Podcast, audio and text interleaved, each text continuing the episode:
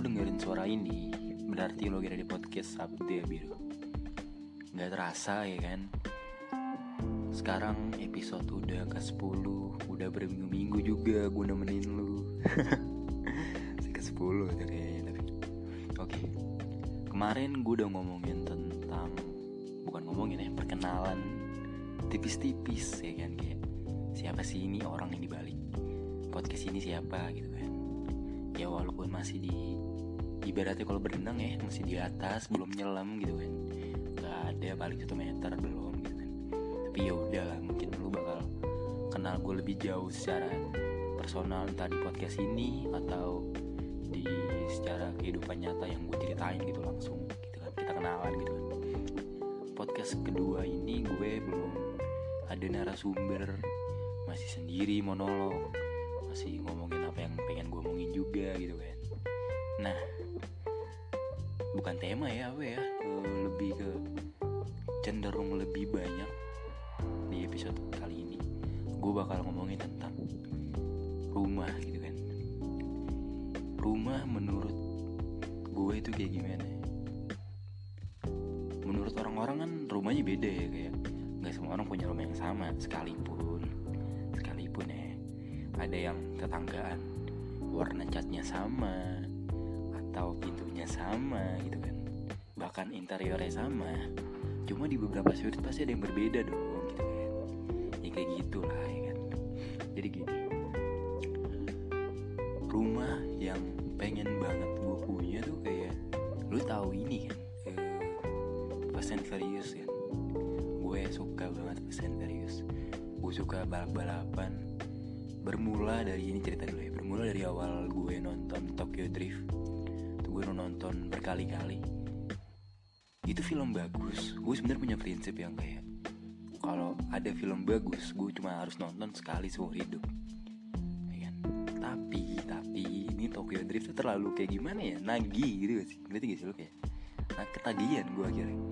Lu udah tahu endingnya endingnya nggak bakal berubah alur ceritanya orangnya sama mobilnya sama juga. Cuma ketagihan karena emang suka kan nah akhirnya muncullah sequel and Furious pertama kedua ketiga keempat. Cuma kalau boleh mengkritik cie, si paham banget nih tentang film gitu kan cuma kalau boleh mengkritik Fast and Furious ke terakhir ini beberapa belakangan ini menurut gue terlalu apa ya? Terlalu family gak sih kayak tentang kekeluargaan banget. Itu bagus kan? Bagus. Cuma menghilangkan identitas Fast and Furious yang awal-awal yang pertama-tama gitu kan. Sebenarnya ya mungkin eh, target pasar tapi ya bagus juga sih. Tapi kan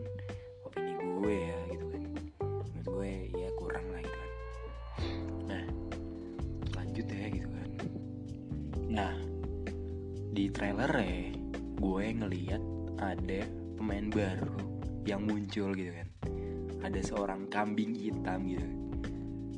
Dia John Cena. Dia eh, atlet gulat. Pasti kalau cowok-cowok sih yang paling tahu nih. Nggak mungkin sih cowok-cowok nggak tahu kebangetan lo kalau cowok-cowok nggak tahu lo kehidupan lu masih kecil gimana? Di PS2 tuh dia biasanya ada di Smackdown gitu kan. Nah, dia menjadi saudara dari Dom. Gila ya Dom punya saudara tuh kan kayak gila ya. Domnya udah gila terus dia punya saudara lagi dan lebih gila sih. Gue belum nonton. Cuma secara trailer gue mati kayak rada aneh sih kayak maksa sebenarnya. Maksa banget gitu. Kayak ada orang yang lompat dari tebing tapi masih hidup menurut gue. Tuh kayak beberapa waktu lalu Fast and Furious terlalu maksa juga jadi kayak aneh ke sana kan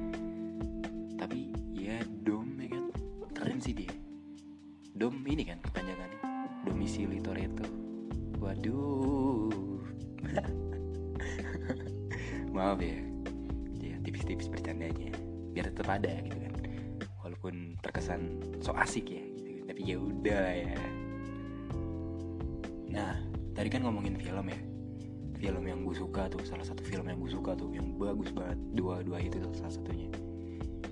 Ada satu lagi hal yang ngebuat gue yang kayaknya hmm, ini tuh bagus banget gitu.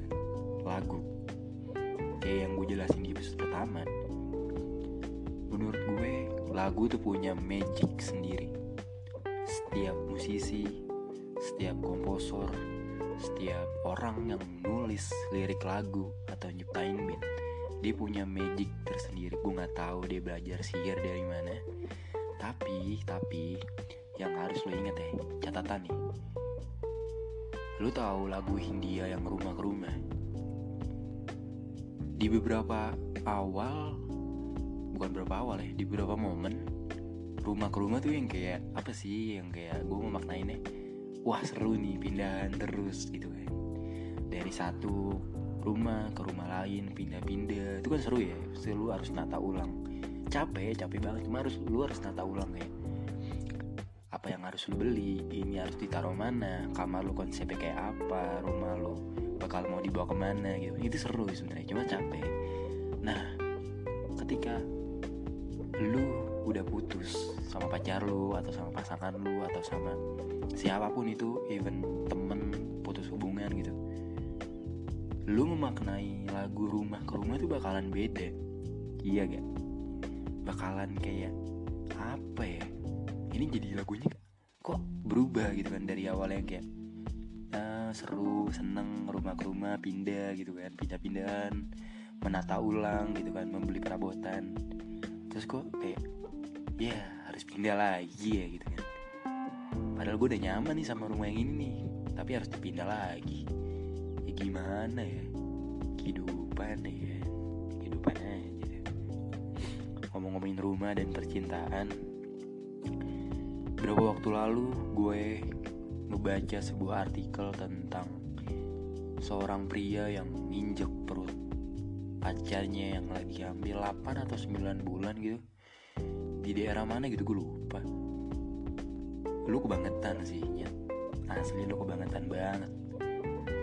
Untuk berpikir main kasar atau sekedar ngomong ya even ngomong kasar ya gue suka ngomong kayak anjing atau bahkan lebih tapi untuk ke perempuan yang mas gue gini ketika lu ngomong kasar yang menurut lu kasar kayak gitu tuh di beberapa orang itu jadi hal yang lumrah udah biasa cuma bukan berarti gue uh, kayak menormalkan ya. Cuma di beberapa tempat itu udah hal yang biasa gitu kan. Cuma cuma konteksnya beda kalau lu uh, ngomong ke orang yang gak dikenal ngomong ke pasangan lu apalagi terlebih pasangan lu juga kayak nggak ngelakuin itu nggak ngomong kasar ke lu kan mesti kasar sekedar bercanda gitu kan nggak ngelakuin itu. Dan kondisinya ketika lu lagi marah lagi ribet gitu lagi ribut atau apa pun itu yang membuat chaos itu konteksnya bakal berbeda kayak anjing gitu kan.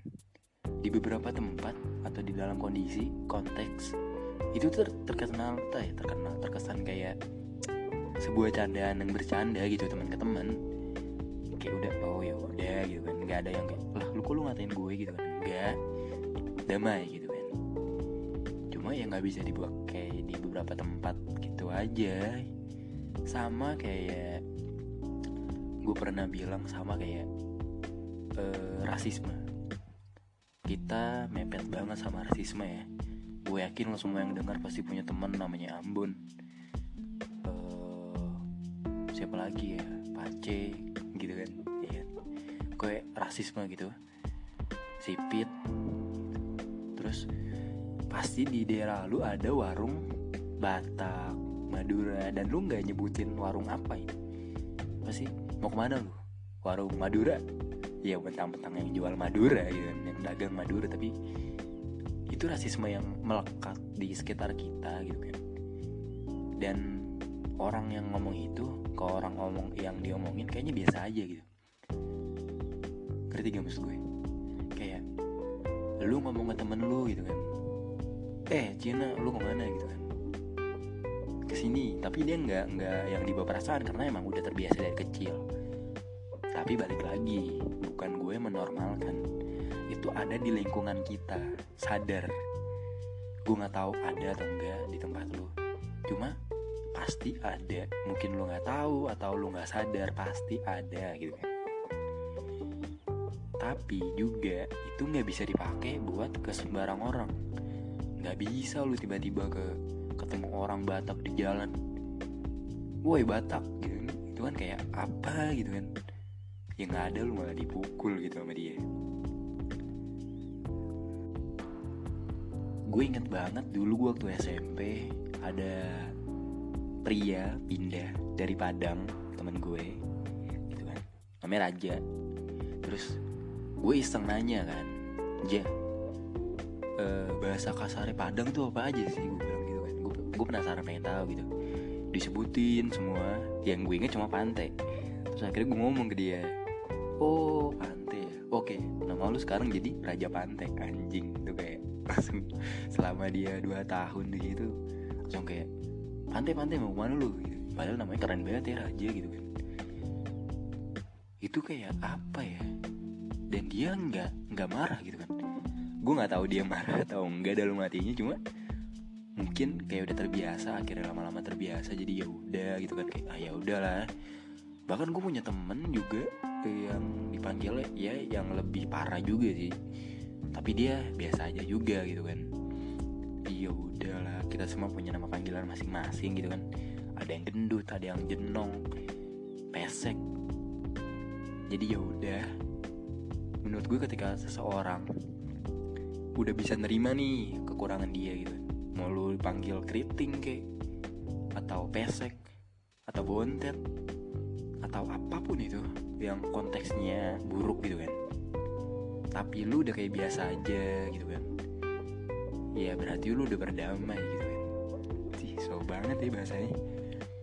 Tapi kalau ada orang yang gak lu kenal ngomongin lu kayak pesek lu itu kan kurang ajar kayak harus perlu disikut sih matanya. Oke. Okay. nah gue kemarin kan bilang ya kalau gue nggak bakal ngebahas percintaan kecuali ada narasumber. Cuma beberapa waktu lalu ada seorang teman gue teman lama cerita ke gue gitu kan tentang kayak percintaan dia. Ini kayak lumayan menarik nih gue bilang buat dibahas. Gue juga udah bilang sama dia kata dia nggak apa-apa. Gitu kan. Gue nggak bakal sebut nama ya. Kita samarkan aja. Namanya Wahyu gitu kan kita samarkan tuh. Terus tapi dia udah punya pacar nih. Nah, cerita ini ini cerita tentang mantan dia kemarin sebelum ini. Dia bilang ini gue nggak tahu ya. Dia terkesan posesif atau udah pernah dikecewakan atau punya trauma sendiri gue nggak tahu. Jadi si perempuan ini uh, kerja gitu kan sama si teman gue ini ditungguin tapi dia nggak bilang. Jadi kayak dimata-matain dari jauh. Lumayan serem tapi untuk seseorang yang sering dibohongin gue rada ngerti sih. Kayak gue sering dibohongin gue tahu kalau orang itu bohong. Dan ngerti gak sih lu? Kayak seru aja kan kalau lu lu tahu nih lu dibohongin tapi lu tetap pura-pura bego gitu. Tetap pura-pura nggak tahu kalau lu dibohongin. Itu seru banget gak sih? Kayak oh iya alasan lu apa lagi sih? Hmm iya iya iya iya. Terus bukan berarti kalau gue bukan berarti gue keep gitu aja nanti ketika ada masalah lain gitu ada masalah baru lain atau yang sama-sama kayak gitulah selaras kayak gitu bakal tuh bakal gue diar gitu kan. Bakal gue bilang lu kemarin gini juga ya? Lu lu kemarin gini juga kan lu ini kan lu gitu kan.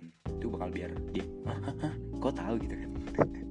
Itu seru banget sih. Nah balik ke tadi cerita yang tadi dia nungguin si perempuannya ini si ceweknya ini selesai kerja. Nah kerjanya itu ada di pinggir jalan gitu. Kalau mau pulang cuma ada lewatin satu arah. Nah dia nungguin di situ. Mau lu lewat gang mana pun pasti bakal lewat situ dia bilang dia nungguin hampir ada tiga jam. Tiga jaman atau dua jam gitu gue nggak tahu. Segituan lah pokoknya udah lumayan lama tuh ya lu harus terik-terikan panas matahari di pinggir jalan gitu kan debu jalanan gitu. Kok nggak keluar keluar nih kata teman gue. Si perempuan ini kok nggak keluar keluar ya akhirnya coba dia pura-pura speak speak beli gitu kan. Beli beli yang minuman itu yang dijual. Ternyata si perempuannya udah cabut. Terus dia bingung lah kapan gue nggak ngeliatnya perasaan mata gue tertuju pada satu tempat itu doang. Pintu keluarnya cuma jadi satu. Pintu keluar pintu masuk jadi satu. Nggak kepisah dia mau lewat mana? Mau gali tanah? Ya kali kan? Terus itu kata dia bukan sekali dua kali dia ngelakuin itu. Dan gak pernah ketemu. Sampai akhirnya dia bilang dia bilang ke gue gue punya prinsip akhirnya kalau emang nggak dikasih tahu mesti nggak dikasih tahu nih orang selingkuh atau jalan sama orang lain nggak akan tahu lu. Lu tuh nggak akan tahu walaupun mau dicari sekeras apa pun. Tapi kalau lu dikasih tahu gitu aja ya berarti lu tahu. Dan bener kejadian beberapa hari kemudian. Gue lagi nongkrong kata dia.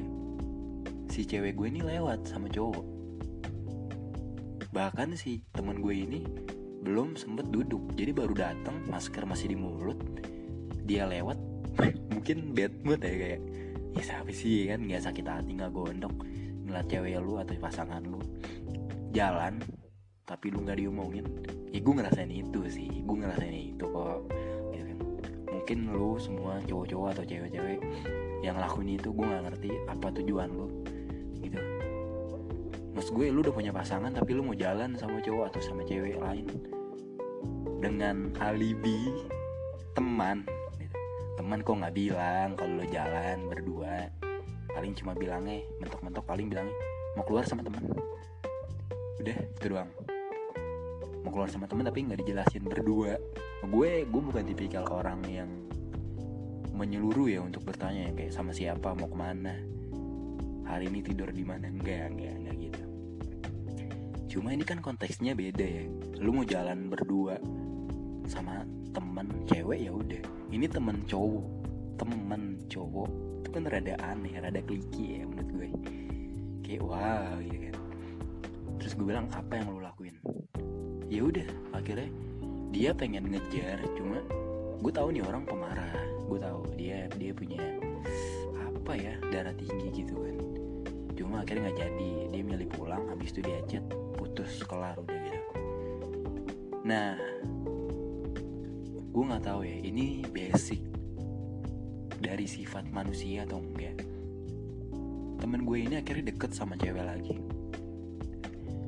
Setelah putus nih bukan pas masih jadian setelah putus deket sama cewek jadian. Terus kata dia beberapa waktu lalu dia sempet telepon-teleponan sama mantannya yang waktu itu yang kemarin ini yang gue bilang dia jalan. Mantannya bilang loh lu juga ini kan selingkuh juga kan? Gue gue bilang ke dia kenapa ya orang-orang tuh selalu kayak kan kita udah putus nih gitu kan sama pasangan. Terus kita dekat sama orang baru nih. Nah kenapa kita ya disangka kayak lah lu udah punya pasangannya jadi ketek kapan? Kayak ya emang iya cuma ada beberapa orang ada beberapa kejadian yang baru banget deket tuh ya pas udah putus udah bener putus. Entah si apa pihak kliennya mengincar gitu kan kayak wah putus nih incar gitu. Makin deketin makin dikejar gitu karena sebelum pas jadian karena pas jadian mungkin gak ada pergerakan belum ada plan gitu kan. Tapi pas udah putus udah gas aja gitu kan lampu merah metrobos gitu ada yang kayak gitu cuma ada yang ya deket-deket juga walaupun bilangnya cuma sekedar cetan tapi cetan panjang ya nanya udah makan apa belum lagi apa? Panjang gitu. Kan terus dia bilang iya bener. Mantan dia bilang kayak gitu. Lu juga selingkuh. Lu deketnya gini gini gini. Terus gue bilang kayak ya gimana ya bro ini bukan masalah cowok atau cewek kan? Emang kayaknya emang basic basic manusia gak sih? Gue bilang kayak kita punya kecurigaan atas satu sama lain gitu. Bahkan ketika seseorang berbuat baik ya. Gue inget uh, JJ Jason Ranti dia pernah bilang gue selalu curiga sama orang baik. Itu ngebuat gue yang kayak hmm, iya juga sih. Cuma bukan berarti semua orang baik gue curigain dong gitu kan. Cuma kalau konteksnya yang tiba-tiba ngechat atau kayak ini orang kok udah lama banget gak kelihatan tiba-tiba berbuat baik antara emang mau mati atau emang ada yang mau diambil juga gitu kan. Ada ada timbal balik yang pengen diambil. Dua itu kalau menurut gue. Terus ya udah. Terus gue bilang gue ada gue tadi kayak gue bilang tadi kalimat yang gue inget banget.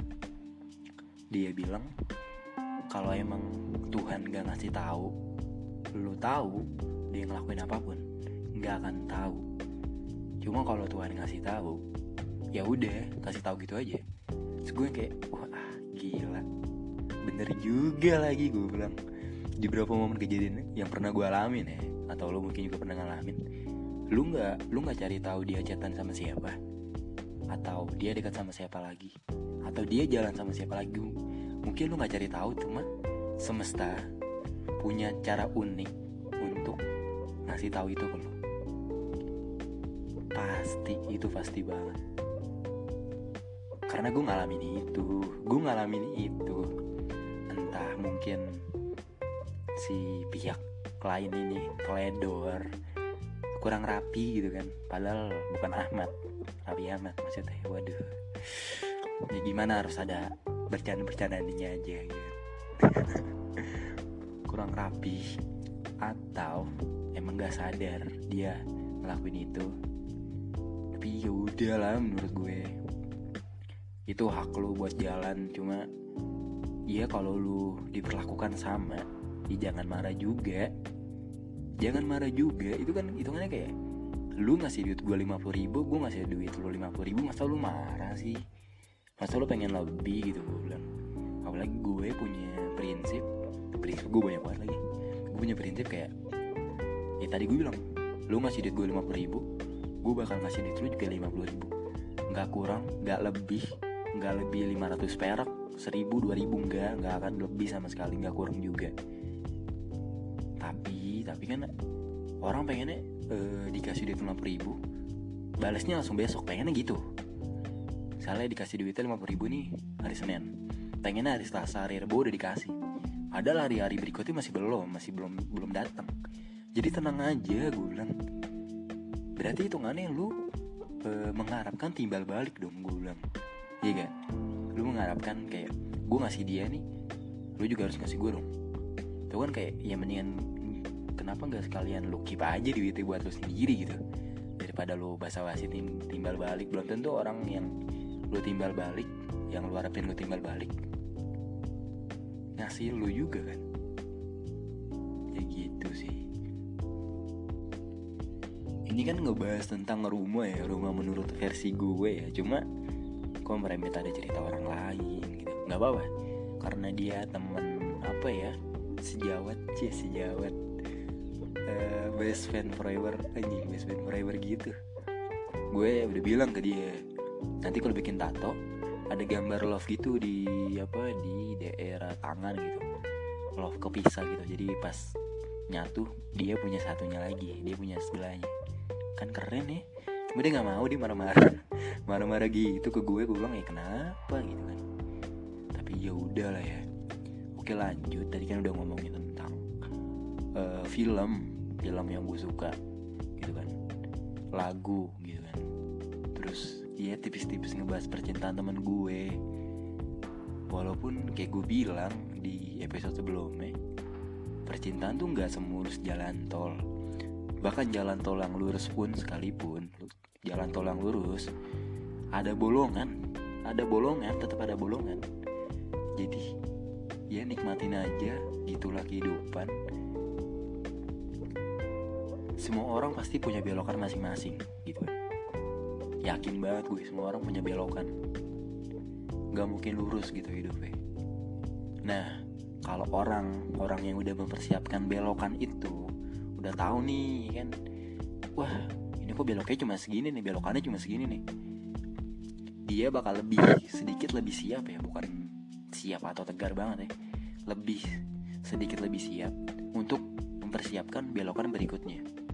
Tapi orang yang beranggapan hidupnya lurus-lurus aja ketika dikasih satu belokan dua belokan kagetnya setengah mati. Susahnya setengah mati buat ngelewatin belokan itu. Ya setiap belokan punya uh, tingkat kemiringan yang berbeda-beda ya.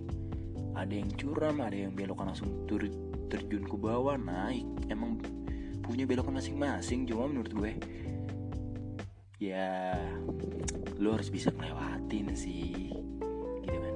Ya gue nggak kenal sama lo mungkin atau lo sekedar dengerin podcast ini dari teman lo yang nge-share gitu. Gue sebenarnya pengen apa ya ngasih tahu lu nih sebenarnya. Kehidupan tuh emang lebih kompleks ketika ada masalah. Iya gak sih? Bukan berarti gue mendambakan sebuah masalah ya. Gue tahu masalah tuh ada berturut-turut cuma nggak nggak setiap hari ada masalah juga gitu. Gue tahu itu. Cuma kehidupan tuh bakal lebih kompleks aja kalau ada masalah. Kayak gimana cara nanganinnya gimana cara cari jalan keluar ya. Masalah tuh kan kayak labirin ya tinggal gimana gimana caranya kita pinter-pinter nemuin jalan keluar gitu kan. Cuma menurut gue ada beberapa orang yang nekat menerobos labirin itu. Dijebol dia nggak nyari jalan keluar tapi dijebol gitu. Nah jebolan ini bisa jadi jalan keluar bisa jadi menuju kematian. Kayak pedang. Kayak pedang tapi dua mata pedang gitu tombak dua mata pedang. Ya bisa nyerang bisa ngebunuh lu juga kan. Kayak gitulah. Ada yang milih nembus jalan keluar dari labirin itu. Gantung diri bunuh diri atau apa pun itu lewat caranya. Tapi ada juga yang akhirnya tanpa sengaja nembus gitu. Atau emang niat dia keluar. Jadi baik akhirnya. Ya gitulah kehidupan. Balik lagi gue kayaknya sosok banget tentang ngomongin tentang kehidupan gitu kan. Tapi gimana dong ya kan? gue masih belum tahu sebenarnya podcastnya mesti dibawa mau dibawa ke mana. Yang gue pikir tuh gue harus ngelis beberapa orang yang berniat menjadi narasumber dan gue minta waktunya gitu kan. Mungkin akan ada yang ngebahas otomotif atau ngebahas tentang perekonomian. Sih perekonomian. Berat banget.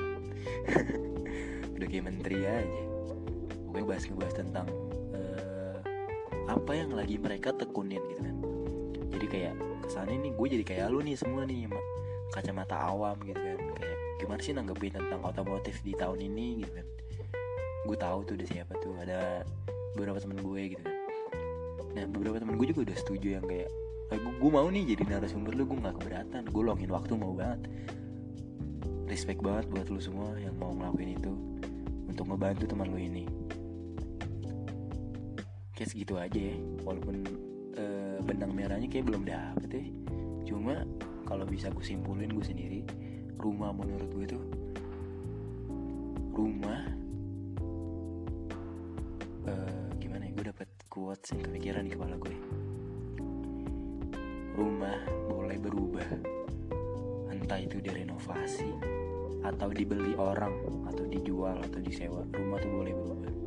Warnanya interior pintu atau apa pun itu yang ada di dalam rumah itu boleh berubah. Tapi tanah tanah yang ada di bawah rumah itu nggak boleh berubah. Karena kalau tanahnya berubah itu bakal ngerubah rumahnya juga. Ngerti gak maksud gue. Ya kayak gitulah. Ya kayaknya segitu aja ya. Jadi kalau ada masukan yang kayak gue masih belum ngerti ini lu ngebahas apa sih? Atau e, gimana? Atau tentang pembahasan minggu depan tentang apa gue pengen lo semua nge-DM gue lewat Instagram sekalian promosi nama Instagram gue 0018br lo boleh DM mungkin kita bakalan temen temenan diskusi. Mungkin di situ juga lo bakal kenal gue lebih jauh gue kenal lo lebih jauh mungkin. Tapi kayaknya nggak ada juga yang mau kenal gue lebih jauh gitu kan. Jadi ya udah gue harap lo semua enjoy. Ini udah hampir setengah jaman mungkin kayak dari tadi gue ngoceh apa pun itu rumah menurut lu kayak gimana? Kita diskusikan bareng ya. Adios